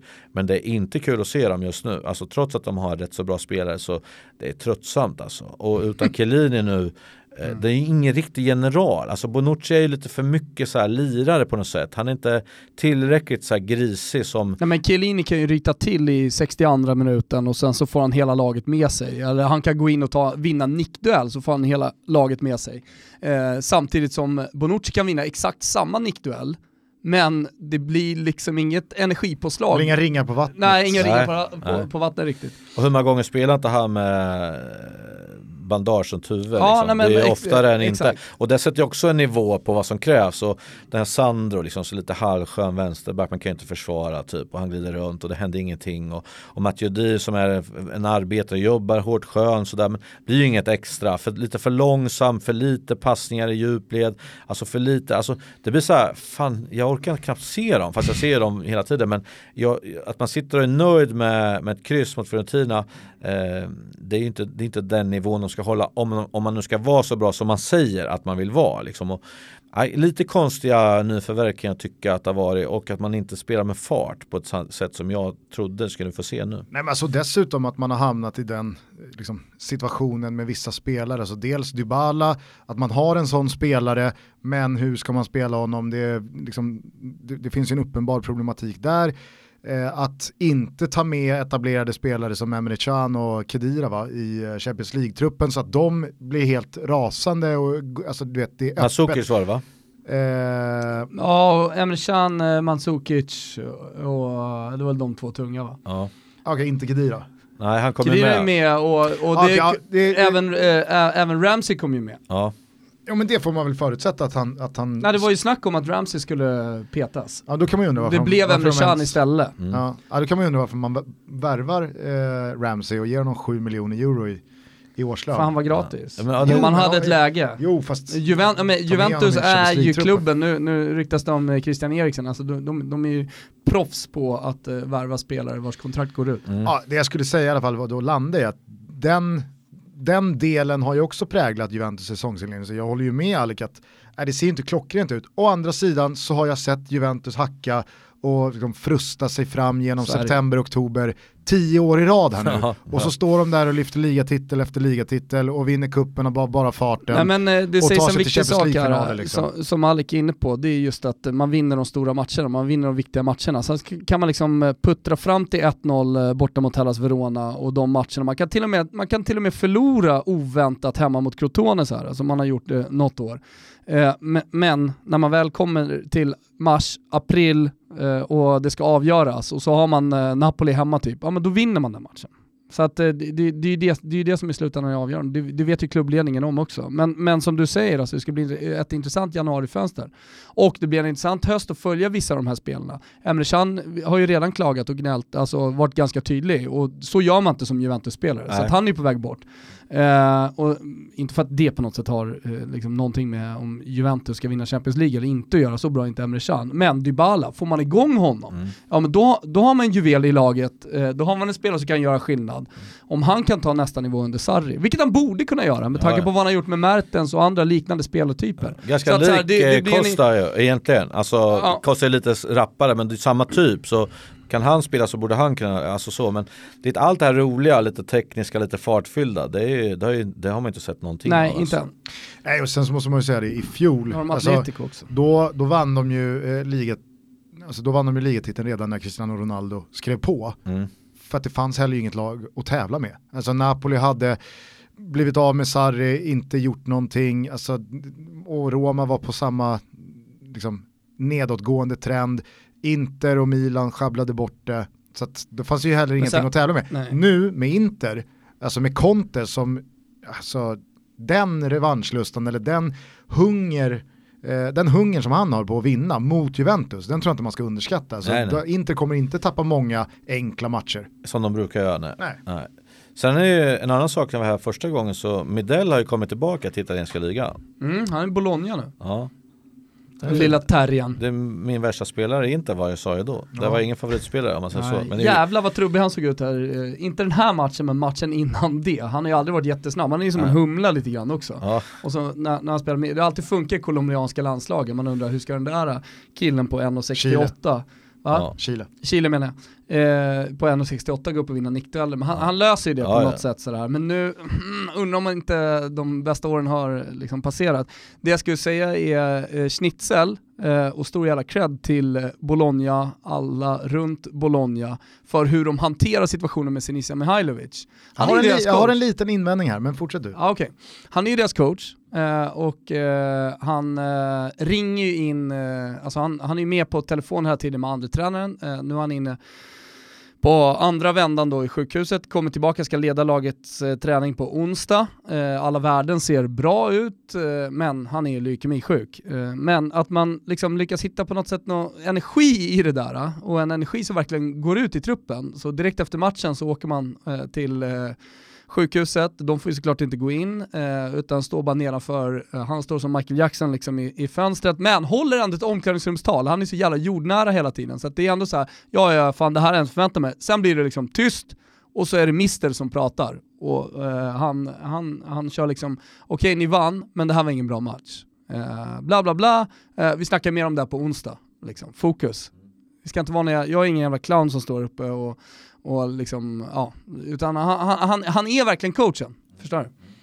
Nej, min enda... Sen har man aldrig sett en sån här situation tidigare. Nej, alltså det, det, här, det här är ju helt unikt. Det är därför jag tycker det är så intressant också att se, kommer det här gå, alltså, okej är det bara så här initial entusiasm på något sätt, Ja. liksom som på något konstigt sätt har hittats, så här, nu står vi upp bakom honom. Hur länge kan, den, kan man leva på den energin så att säga? Att så här, nu, nu knyter vi oss samman, vi gör det för eh, Mihailovic. Så vi har sett liknande eh, när spelare har gått bort tragiskt som Astori till exempel i Fiorentina, liksom att man hittar någon slags här kraft, gemensam kraft och, och att det visar sig på planen sen också, att det blir någonting så här nästan positivt liksom, att man får en positiv effekt. Eh, men eh, ja, vad vill du säga? Nej men min enda invändning var just det, att så här, jag vet redan nu att jag om några veckor kommer äcklas av mig själv för att jag inte kommer känna liksom samma wow. Fast det kommer du Eh, inte behöva göra nej, heller. men jag tror det är ju wow nu, det är det som är så intressant med den här situationen. Det är ju wow det som hände igår. eh, hände igår. Men eh, om några veckor då kanske det här är vardag. Men, men, och vi kanske inte pratar lika mycket om det. Vi nämner det inte ens här. Men laget åker ändå till sjukhuset och det läggs ut någonting på Twitter men det blir inte en stor grej kring det. Men i laget och i gruppen så kanske man hittar en fungerande situation i det här. Eller liksom att, att man kan ändå få det här att funka. Och att, eh, och att spelarna hela tiden ändå hittar någon extra kraft för att spela för honom. Alltså så här, jag, det, det, det är det som är så intressant. Vad kommer hända? Jag, jag, det jag menar bara är att jag ser framför mig hur mitt medlidande kommer trubbas av. Ja, eh, ja, det lider men det, det, så blev det det, Klas. Ingesson blev ju också så här, ja men han är tränare där nu. Ja, i början så var det så wow, och hur kan han vara där och så här. Så efter ett tag, då var, då var han där. Han vill inte ens prata om det själv, och så kommer Mihailovic vara också. Sluta ställa frågor kring min behandling nu. Här, jag är här, jag är Bolognas tränare. Jag eh, måste bara fråga Axén en fråga här eh, kring den här eh, eh Bologna-segern. För att man vänder ju ett underläge eh, 3-1 till seger 4-3. Det är Desena i Brescia som tar, alltså han är varnad, man leder med 3-1, man är nykomlingar, det är de här matcherna man behöver vinna för att ge sig lite buffert och, och ge sig en, en realistisk möjlighet till att liksom, undvika nedflyttning. Och när man då som spelare vet att jag har ett gult kort, vi leder med 3-1, nu är det inte riktigt läge att filma till sig ett till eh, gult kort och bli utvisad. Men det är det som görs. Mm, eh, Bologna vinner med tre mål eh, sista halvtimmen och vänder till 4-3. Vad, alltså, du måste ju ha varit med om det här också, att en spelare i ditt lag tar en onödig utvisning och att matchen vänder och att man går därifrån med noll poäng. Vad, vad, hur, eh, hur, liksom, hur högt kan man hänga en sån spelare Du vill ju efteråt? sparka kontrakt, ja, du vill ju sparka, riva kontraktet direkt på Desena igår. Ja. På, eh, Ja. Ja, det, det är nog första känslan på alla tränare. Ja. Att vad fan gör du? Typ så. Men att sen är Men det, det blir sådär, så tydligt att liksom så här en, ett, din, ett självmål kan alla göra, alltså det är ingen som, det, det är onödigt, men att ta beslutet att göra någonting som du vet kan rendera i ett gult kort när du är varningsbelastad i matchen och man leder med 3-1. Alltså det är ju det är så idiotiskt gjort. Ja, och och tyvärr så är det ju så med spelare att de inte alltid tänker på för, vad, vad blir det här? Det kan ju lika gärna vara att de kommer i någon kontring och det är inte någon fara. behöver inte fälla honom för att eh, vi har kontroll 3-1 och sådana här saker. Men man tänker inte utan man kör bara i det är no någonting som händer impulsstyrt som gör att man gör någon dum grej och sen eh, att laget då också går ner sig jättemycket av att ja men lugn nu får vi en man mindre och så blir man mer passiv och så gör de 3-2 och så har man jättemycket att förlora så 3-3 och så herregud vi har tappat 3-1 och så är det 4-3. Det är klart att när man träffas idag på träningen att man måste ta upp situationen att så här kan vi inte göra. Men man aktar sig liksom för att döda honom för, för mycket också eftersom han är då det här laget som man vill vara hela tiden. Sen kanske man tar han själv i ett rum och säger att eh, blir, du kan sätta in de här två veckolönerna, bam, så färdigt. Men att det är mer sådär eh, det går inte att spela att man är rädd heller. Alltså spelarna får inte vara rädda för att göra vissa saker. Alltså, hade han fått nu frispark eller straff i de här situationerna då hade man kanske suttit och, ja men bra liksom, bra försök och sådär. Men det här som är så svårt att man, man vill ju, men till slut kan du sitta med, har du ett bottenlag sitter du med sju spelare för att sparka alla för de är så dåliga beslut. Så det går ju inte. Utan så du, du tror ändå Corini la band på sig själv igår? Nej, inte just efter tror jag inte. Men, men jag tror att han aktar sig för att säga någonting just där och då. Och då blir det så här generellt att du står och skriker inför alla fast alla vet att varför pekar du inte på han? Det var ju han som idiot. Att man så här får man inte göra, man tar de här stora penseldragen. Sen åker han hem, dricker lite rödvin, tjurig och så kommer han med ny energi idag till träningen då. Och då, då får man se hur han tänker. Då. Ja, det måste vara så jävla svårt att som tränare veta att, alltså, att det inte ens blir en poäng. Du, du, du, får noll poäng med dig i en match mot en, okej okay, nu kanske inte Bologna är någon nedflyttningskonkurrent direkt, men Alltså att slarva bort de poängen i ett sånt läge, blivit tokig. Ja för det, det sätter en standard på säsongen också att när de leder med 3-1 och vi sätter 20 kvar nu så kommer de komma ihåg den här matchen. Eh, vilket gör att det kan bli så stressigt ibland som AIK har haft på hörnor nu. Jag vet inte om ni har tänkt på det. Jo, släppte inte in några hörnor och så släppte de in två mot Norrköping och helt plötsligt så var det så här vi har jätteproblem på hörnor så varje gång de fick en hörna emot sig så bara stampa. Så det blir avslut varenda gång för alla lag. Jag förstår ingenting. Tittar man statistiskt så är det inget problem. Men, men, men här så liksom blir det att man skruvar upp sig och det är det som är Gör du sent mål i, i början av en serie, då är det så här, vi är bra tränade, vi har bra moral och så, då kommer du kunna tro att du kan göra så här hela tiden. Släpper du in en sån här bit, då kommer det, det är mycket svårare att tvätta bort. Det kommer alltid vara så här 3-1, ingen onödig hörna nu, äh, ingen frispark där, ingen, alltså det bara blir det här negativa. Och så kommer 3-2 och då kan du ge dig fan på att det blir 3-3 med till slut. Och så att, att de har ju satt sig i en mentalt jobbig situation i att man tappar så här. Ja, jag tänker också direkt här nu på Häcken inte kan slå storlag och Djurgården kan inte vinna mot AIK och så vidare. Så den mentala biten kanske ja, men sätter större spår än vad man tror. Två saker Gusten kan vi inte lämna den här studion utan att avhandla. Dels Norwich seger och dels eh, Chelseas eh, på något sätt eh, ja, på nytt födelse, eller vad vi ska kalla det, eh, efter deras seger och eh, Abraham gör tre mål och alltihopa. Eh, Norwich seger kan vi börja med, Timo Pukki och alltihopa. Vad vill du säga? Så, så här, jag vet faktiskt inte om jag vill säga så jävla mycket. Jag, jag, jag, tycker det är kul. Ja, men vadå, att... folk menar ju på att ligan är, är körd nu. Ja, så, det är den ju inte men alltså. Nej, exakt. Jag tror snarare, hade det varit Liverpool som eh, hade hamnat fem poäng bakom Manchester City efter fem omgångar. Ja, då hade jag ju snarare... Och där har vi också varit. Jo, jag vet. Och det är därför jag säger att mm. då hade jag snarare eh, lutat åt att ställa mig på foten som är att ligan är mer eller mindre avgjord. När det är Manchester City som eh, ligger bakom med fem poäng och det är 33 matcher kvar att spela. Framförallt dubbelmöten med Liverpool. Ja, alltså, som vad, vissa vad, lag kommer få betala för den här Norwich-kosten. Var står du här någonstans? Vilka vinner Premier League i år tror du? Uh, jag tror City. Det, de är liksom för bra på något sätt. Och sen även den här matchen då jag har ju bråkat med Edman jättemycket för att han gillar ju Norwich tränare. Och kommer ni ihåg när de spelade så här ruggigt naivt mot Liverpool i bland de första matcherna? Ja, det var väl så, premiären. så rullar det ut bollar och de bara står och bara vinner bollar. Och det, det är utvecklande fotboll som de här nya tränarna säger och alla romantiker säger och jag blir helt knäckt.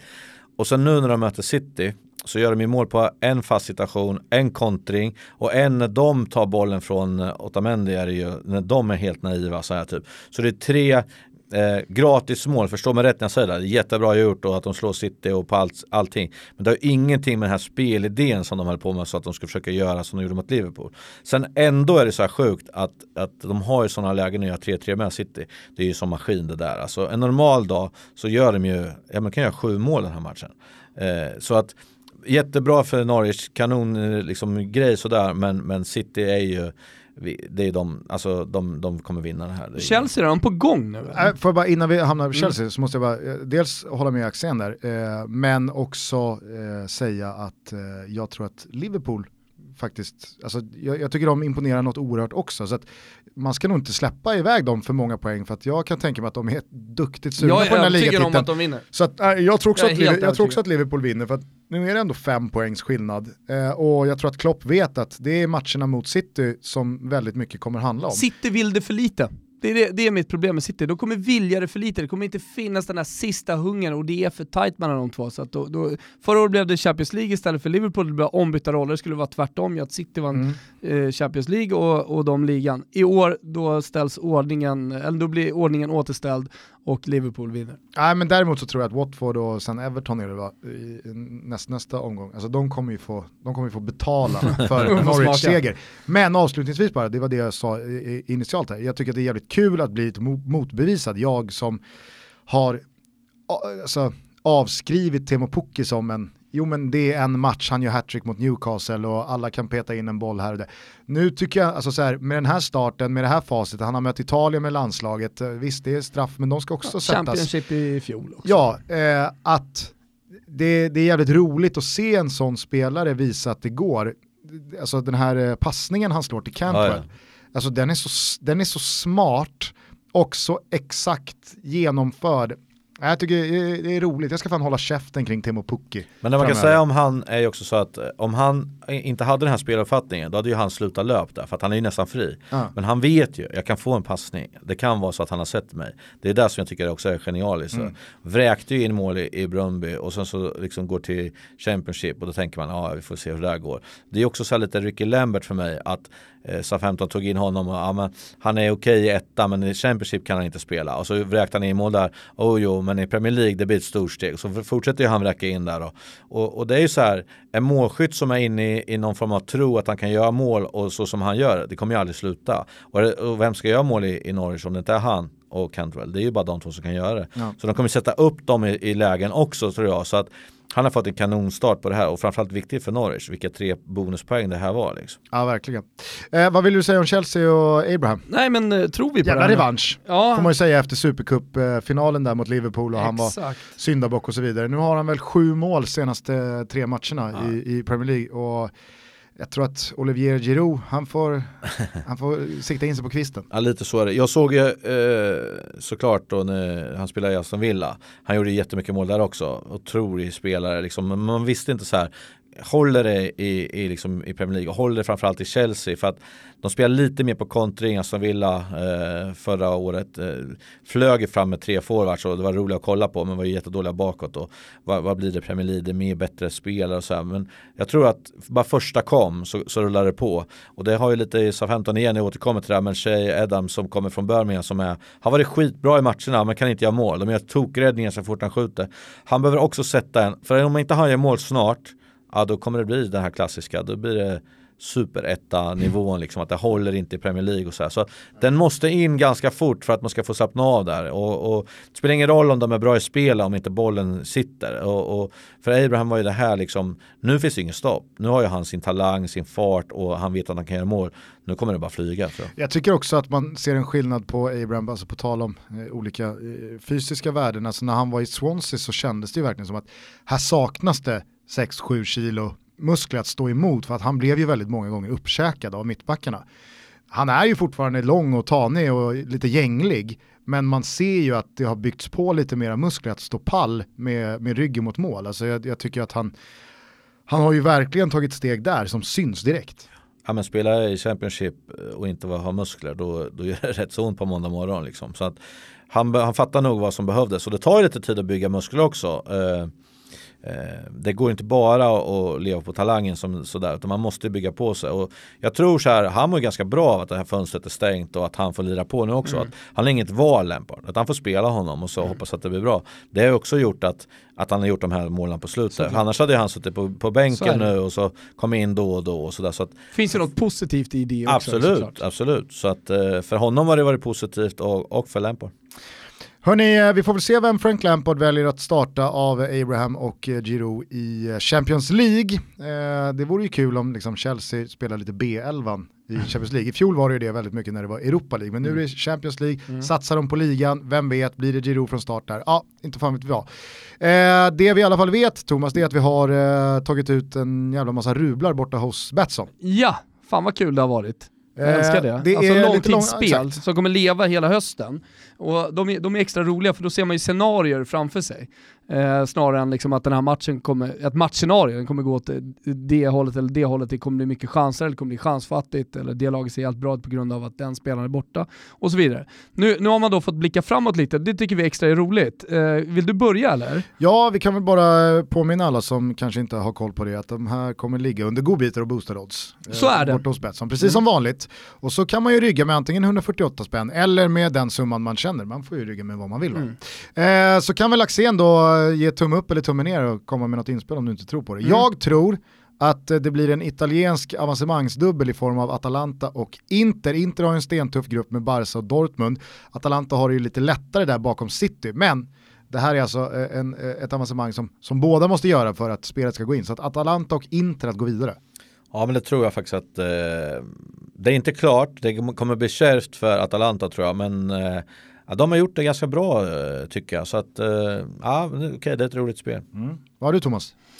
Ja, vi kör eh, så alltså. Jajamän. Varannan. Ajax missar avancemang. Det är ändå att sticka ut hakan lite. Mm. Ja, jag tycker att den är faktiskt rimlig.